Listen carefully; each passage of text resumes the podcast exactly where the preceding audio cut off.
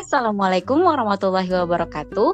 Hai sobat dengar, kembali lagi bersama saya Ulfa.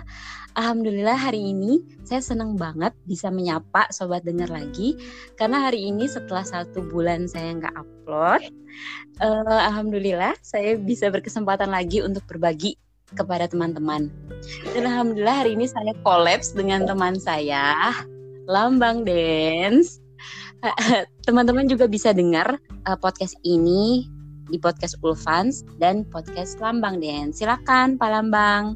Halo Pak, selamat malam. Assalamualaikum warahmatullahi wabarakatuh. Sobat dengar, hari ini saya dan Denny uh, mengundang Pak Imam. Kita mau ngobrol-ngobrol sedikit tentang anak-anak spesial itu seperti apa bersama Pak Imam. Boleh perkenalan dulu Pak Imam? Hmm.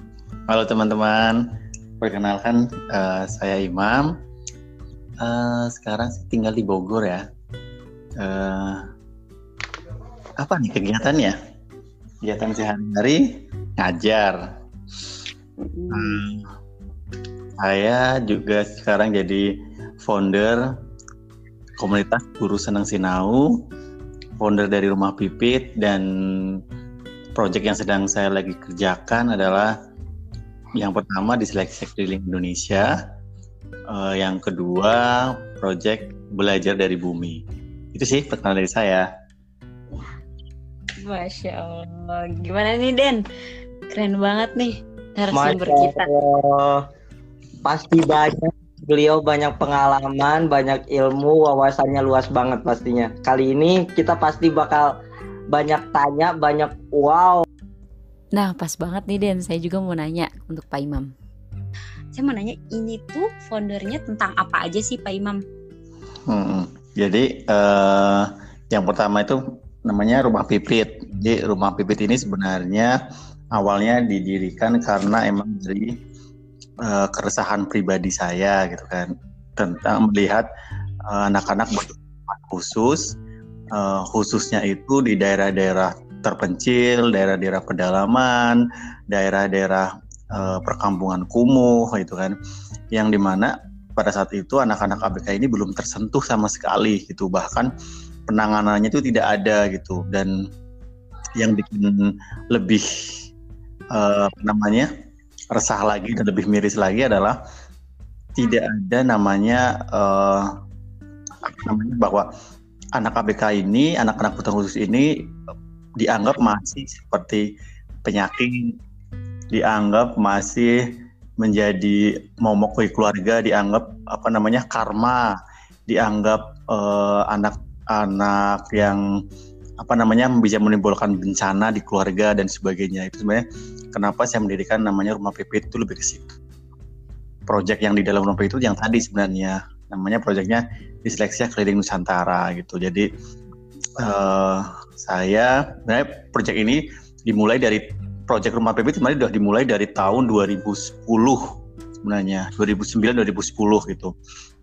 Di awal proyek ini rumah pipit ini eh, kalau di seleksi keliling Nusantara ini proyeknya itu awalnya dari 2016 tapi kalau rumah pipit itu udah dari 2000 eh, 2009 dimulai tapi 2010 baru ada proyek pertama yaitu proyek pertama saya di rumah pipit itu adalah mendirikan waktu itu mendirikan PAUD gratis sebenarnya. Awal-awal sebelum mendirikan PAUD itu ada di permukiman kumuh eh, di daerah Jakarta Timur. Itu tuh benar-benar pada saat itu tuh daerah itu benar-benar kumuh, kotor yang benar-benar yang masyarakatnya itu di, apa namanya masih kecil banget edukasi tentang uh, kesehatan. Dan setelah saya masuk ke situ ternyata di situ itu uh, eh, ABK-nya luar biasa banyak dan ABK-nya itu tidak tersentuh dan bahkan malah dibiarkan sama sekali di, dianggap banyak banget uh, itu justru malah ngelebihin dianggap mereka itu adalah anak-anak ini dianggap sampah masyarakat gitu loh. Jadi ada yang emang saat uh, mulai dari bullying, mulai dari uh, penerimaan yang tidak ada gitu. Bahkan di saat itu di kampung itu pernah ada satu anak yang uh, saya temui itu keluarganya itu hanya sebatas cuman yang penting dia bisa makan uh, dia diberi makan diberi minum kenyang sudah. Itu. Terus pada saat dia tidak pernah diberi hak untuk uh, belajar hak untuk bermain gitu kan. Jadi uh, pada saat karena dia uh, apa berbeda dan dia banyak sekali memberikan uh, contoh misalkan dia itu begitu begitu nakal ya kalau dianggap dari masyarakat itu namanya nakal gitu kan. Uh, padahal nakalnya itu bukan karena nakal nakal yang nakal tapi emang dia emang bermasalah gitu dia punya masalah di neurologisnya setelah, setelah saya asesmen dan ke asesmen bersama teman-teman gitu kan waktu itu. Jadi emang ada uh, jadi dia itu punya apa namanya kekurangan dia mulai dari gangguan konsentrasi, gangguan fokus, hiperaktif, belum lagi dia punya uh, gangguan di daerah oral motornya gitu kan. Waktu itu jadi dia tidak ada kalau orang bilang itu anak itu tidak punya lak-lakan gitu ya. Jadi dia tidak bisa apa tuh pak lak-lakan? Lakan itu apa ya yang ada di sentil yang di tengah-tengah tenggorokan sebelum masuk itu loh. Oh. Iya iya. Apa deh namanya Den kalau orang Betawi namanya lak-lakan gitu ya waktu itu. Jadi lak-lakan iya jadi si anak ini tuh si anak ini tuh di kampungnya itu itu hmm. uh, orang-orangnya aja itu kadang bahkan benar-benar tidak diterima sama masyarakat. Pada saat anak-anak ini uh, lewat ataupun bermain dengan teman-temannya itu uh, tem apa anak-anak yang lain itu bakal bakal ditarik sama orang tuanya untuk pulang. Dan anak itu diusir gitu loh. Si anak ini akan diusir dari dari area-area bermain di sekitar-sekitar rumahnya gitu. Jadi benar-benar dia tidak pernah bermain bersama teman-temannya.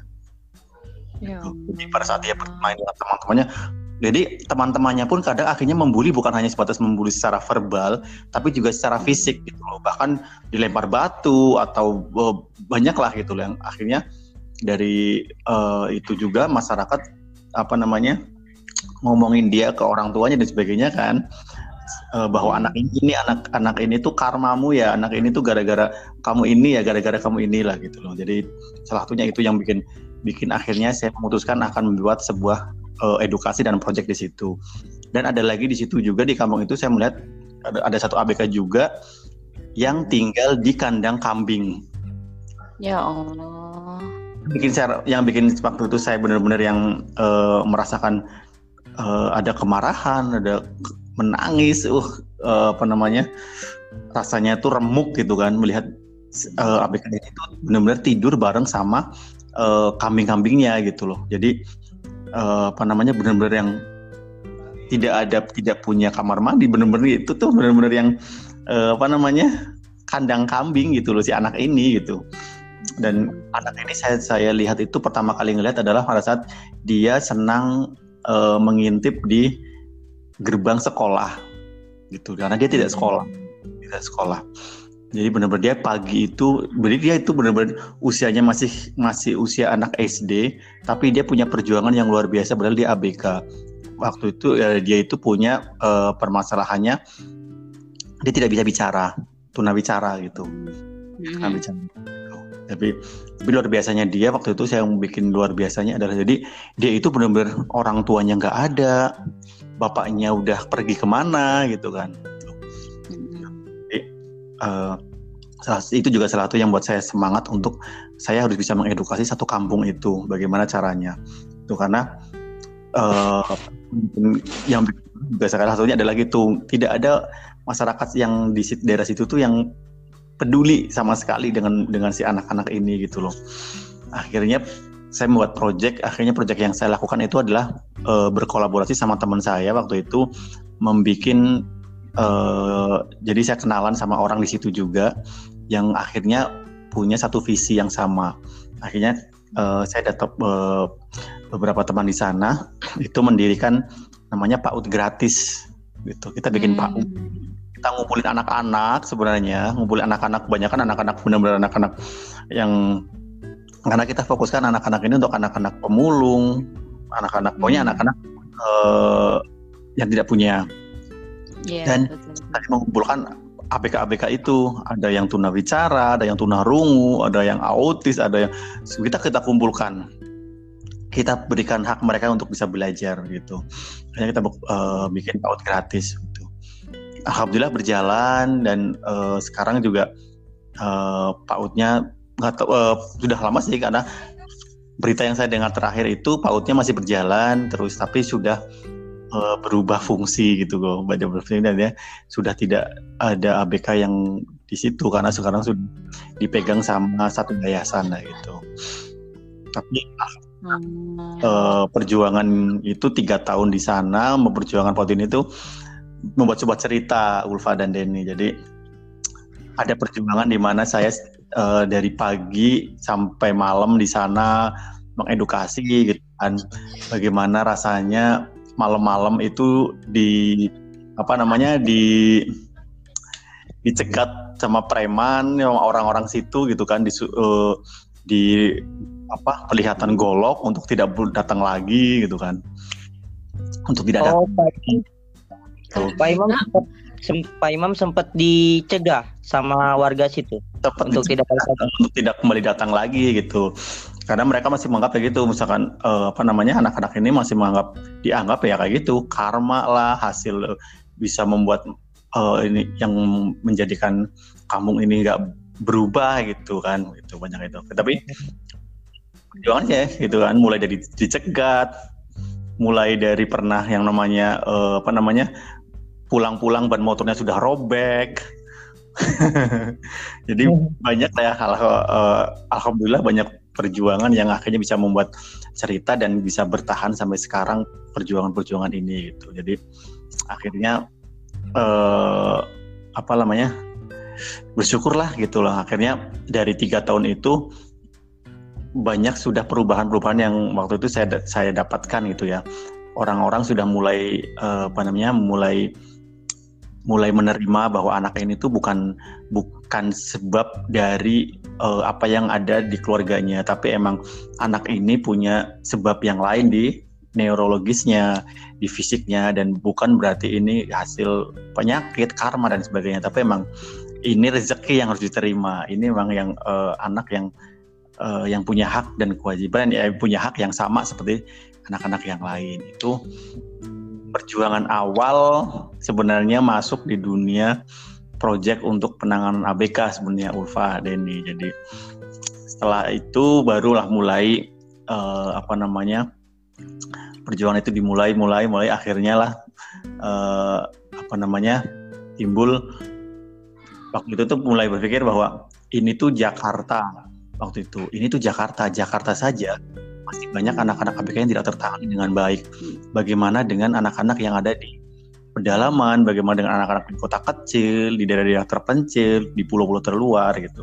Nah akhirnya dari situ juga dari keresahan itu juga akhirnya eh, apa muncullah proyek diseleksi keliling Nusantara ini. Gitu. Jadi memang akhirnya eh, apa diseleksi keliling Nusantara ini sebenarnya juga eh, hasil dari uh, apa namanya curhatan teman-teman sebenarnya yang uh, waktu itu banyak banget teman waktu saya mengeluarkan proyek ini banyak teman-teman yang ada di pedalaman yang itu yang teman-teman uh, media sosial waktu itu teman-teman Facebook teman-teman Instagram itu yang uh, apa ngechat dan bercerita tentang keadaannya gitu kan yang akhirnya uh, itulah saya akhirnya datang ke pedalaman-pedalaman untuk ini. Dan alhamdulillah dari tahun 2016 sampai sekarang sudah lebih dari sudah lebih dari berapa? Mungkin ada lebih 10 ribu guru yang saya temui yang pernah menangani ABK gitu kan di daerah-daerah seperti itu lebih dari ribuan orang tua dan anak-anak ABK yang pernah saya datangi gitu kan puluhan ribu guru dan daerah-daerah sekarang sudah alham Kalimantan, Pulau Kalimantan, pedalaman Kalimantan, pedalaman Sulawesi, Sumatera dan hampir 60% Pulau Jawa itu sudah sudah uh, saya lupa Denny. Tapi kebanyakan sih lebih banyak di Pulau Jawa gitu kan. Tapi Pulau Jawanya juga daerah-daerah yang terpencil juga. Banyak sih sekalian sebenarnya hmm. hal kenapa uh, itulah yang sebenarnya akhirnya uh, yang menyebabkan saya sampai sekarang lebih bertahan gitu ya. Bertahan bukan karena uh, karir bukan karena karir gitu tapi emang uh, perjuangan untuk keluar dari zona nyaman dulu pun juga uh, apa namanya untuk baru dari yang nyaman ke zona sekarang itu yang fokus ke ABK itu bukan hal yang mudah gitu kan dan tapi ternyata this is my passion uh, this is my dream akhirnya gitu kan uh, berada di dunia anak karena buat saya Ulfa dan Denny pada saat saya melihat melihat anak-anak spesial ini, anak-anak istimewa ini, itu sekarang itu sudah seperti melihat benar-benar uh, kunci-kunci surga yang akan membuka pintu surga buat saya gitu. Mungkin amin amin, pada saat uh, sekarang saya punya pikir pada saat pada saat mereka mungkin tidak bisa mungkin akan lupa dengan saya di dunia ya. Mungkin dia akan lupa setelah padahal uh, mungkin dia akan lupa. Mungkin dia tidak ingat saya uh, tahu apa pernah pernah belajar dengan saya, saya pernah mengajari dia gitu. Tapi yang sekarang yang saya ingat adalah mungkin mereka tidak ingat pada saat saya pernah mengajari mereka, tapi mereka tidak akan pernah lupa pada saat mereka akan membuka pintu surga. Itu yang sekarang saya tanamkan dan sekarang uh, saya benar-benar yang ayo ayo terus berlanjut berlanjut untuk pergi-pergi ke tempat-tempat dan ingin bertemu-temu dengan para kunci surga itu. Itu sebenarnya itu cerita rumah pipit Ulfa dan Denny. Kalau guru senang sinang ini sebenarnya emang uh, komunitas yang saya bikin itu emang uh, untuk sama untuk guru juga untuk uh, jadi di situ saya dan tiga orang teman saya ini bergabung untuk mendirikan komunitas ini. Tujuannya adalah memberikan pembelajaran-pembelajaran tentang anak-anak ABK kepada guru-guru gitu kan. Kepada guru-guru melalui uh, pelatihan seminar gitu. Terus uh, dan juga kita juga memberikan punya program-program di guru senang sinang itu project uh, namanya kayak teacher camp terus untuk anak-anak spesial ini kita punya namanya programnya Special Need Art Festival. Jadi kita mengumpulkan uh, anak-anak ABK yang punya talent dan hampir sebagai punya talent gitu punya talent talent kayak melukis uh, bernyanyi terus apa namanya puisi dan sebagainya gitu. Kita undang kita undang kita kumpulkan kita bikinkan pameran kita bikinkan panggung untuk mereka apresiasi untuk prase mereka gitu. Itu di, kita lakukan di Special Art Festival. Guru seneng sinaunya. Itu Ulfa Denny keren banget Pak Imam. Openingnya aja udah kayak gini ya penjelasannya terbaik. Terus aku mau nanya Pak kan tadi dari rumah pipit muncullah disleksia keliling Nusantara. Hmm. Tadi kan uh, padahal ini khusus apa hmm, project ini adalah tentang anak-anak berkebutuhan khusus. Hmm. Tapi kenapa yang diambil itu disleksianya, hmm. Pak? Namanya disleksia keliling Nusantara. Uh, Oke. Okay. Sebenarnya ini sebenarnya uh, kenapa muncul dari disleksia keliling Nusantara? Sebenarnya ini juga sebenarnya dari uh, salah satu teman saya yang tadinya sebenarnya tidak ada tidak ada proyek keliling namanya di Nusantara sebenarnya. Awalnya sebenarnya proyeknya cuma ah aku kepingin keluar Nusantara aja tetap menggunakan nama rumah pipit gitu. Kenapa diseleksi sebenarnya? Uh, diseleksi keliling Nusantara Ulfa dan Denny karena saya sendiri adalah penyandang disleksia diskalkulia dengan penyerta ADHD atau hiperaktivitas. Itu saya dapat diagnosanya di usia 9 tahun gitu. Jadi usia 9 tahun, terus usia 12 tahun juga terdiagnosa kembali gitu, disleksia, diskalkulia dengan penyerta ADHD. Mungkin bagi teman-teman mungkin bisa searching apa itu disleksia, apa diskalkulia dan apa itu ADHD atau hiperaktif gitu lah. Mungkin nggak bisa dijelaskan di sini ya karena terlalu panjang nantinya. Itu itulah yang menyebabkan sebenarnya. Jadi kenapa adanya rumah pipi, kenapa adanya guru senang sinau juga sebenarnya adanya di seksi Nusantara juga sebenarnya. Salah satunya juga adalah emang apa yang apa yang mereka apa yang mereka alami dan apa yang mereka rasakan pernah saya alami. Karena saya sendiri juga adalah dulunya menjadi uh, penyandang anak berkebutuhan khusus. Karena mungkin sampai sekarang ya karena emang penyandang anak berkebutuhan khusus kayak saya ini adalah permanen seumur hidup dan tidak akan bisa disandang disandang ini akan seumur hidup sampai dia mati gitu. Itulah yang saya akhirnya benar-benar uh, ini sampai sekarang karena ya apa yang pernah saya alami eh, apa yang pernah mereka alami saya pernah alami. Contoh mereka dibully mereka uh, apa namanya bullying tidak diterima oleh masyarakat itu pernah saya alami. Secara verbal, secara fisik itu pernah dialami. Mereka pernah mengalami, saya pernah mengalami. Itu. Apa yang mereka rasakan, saya pernah rasakan. Contoh itu. Depresi, stres, iya, mereka pernah mereka ya mereka merasakannya. Saya pernah merasakannya gitu. Contoh misalkan apakah mereka uh, bagi anak-anak yang uh, kayak saya anak-anak disleksia gitu. Apakah pada saat saya saya juga dulu tidak tertangani dengan baik karena waktu itu memang zaman saya emang belum seperti sekarang yang informasi banyak, orang tua bisa dapat pelatihan dan sebagainya gitu, dokter uh, terapis-terapis banyak gitu. Dulu nggak sama sekali gitu. Dulu pada saat uh, uh, saya sendiri merasakan bagaimana perjuangan saya yang tidak diterapi. Saya hanya diterapi oleh ayah saya sendiri almarhum. Jadi memang benar-benar yang uh, merasakan benar-benar yang bullying, mulai dari bullying, uh, verbal, uh, fisik, belum lagi depresi, stres gitu. Terus pada saat depresi gitu, Ulfa ini saya pernah merasakan bagaimana merasakan depresi yang luar biasa. Kenapa gitu pada saat depresinya pada saat itu benar-benar yang kenapa anak-anak lain bisa, kenapa saya nggak bisa? Kenapa anak-anak uh, lain itu uh, diterima kenapa saya enggak kenapa anak-anak uh, saya sama saya punya hak yang sama dan sebagainya gitu. Punya hak kenapa saya nggak bisa kenapa saya nggak bisa kenapa ya otak saya uh, apa mengalami depresi yang berat. Apakah pernah merasakan uh, apa depresi yang paling berat buat saya gitu? Apa yang pernah dilakukan gitu? Percobaan bunuh diri. Allahu Akbar. Itu karena bener-bener beneran. Itu bener-bener karena emang sudah sampai tahap depresi berat gitu. Karena emang anak-anak diseleksi seperti saya itu kalau sudah punya depresi yang tidak, tidak tertangani itu bisa bisa punya uh, apa komorbid komorbid yang lain menimbulkan sebuah sebuah hal yang lain salah satunya adalah karena juga dari sisi uh, apa namanya uh, saya sendiri juga nggak tidak tertangani dan akhirnya itu pernah bisa dan itu banyak sekali loh anak-anak yang mungkin anak-anak ABK yang uh, pernah mengalami seperti saya itu banyak sekali gitu. Mereka mengalami depresi menyakiti diri sendiri gitu. Itu pernah mereka banyak sekali anak-anak ABK yang seperti itu gitu. Ya alhamdulillah bagi mereka mereka yang dari kecil sudah tertangani bersyukur gitu. Itu luar biasa lah perjuangannya gitu.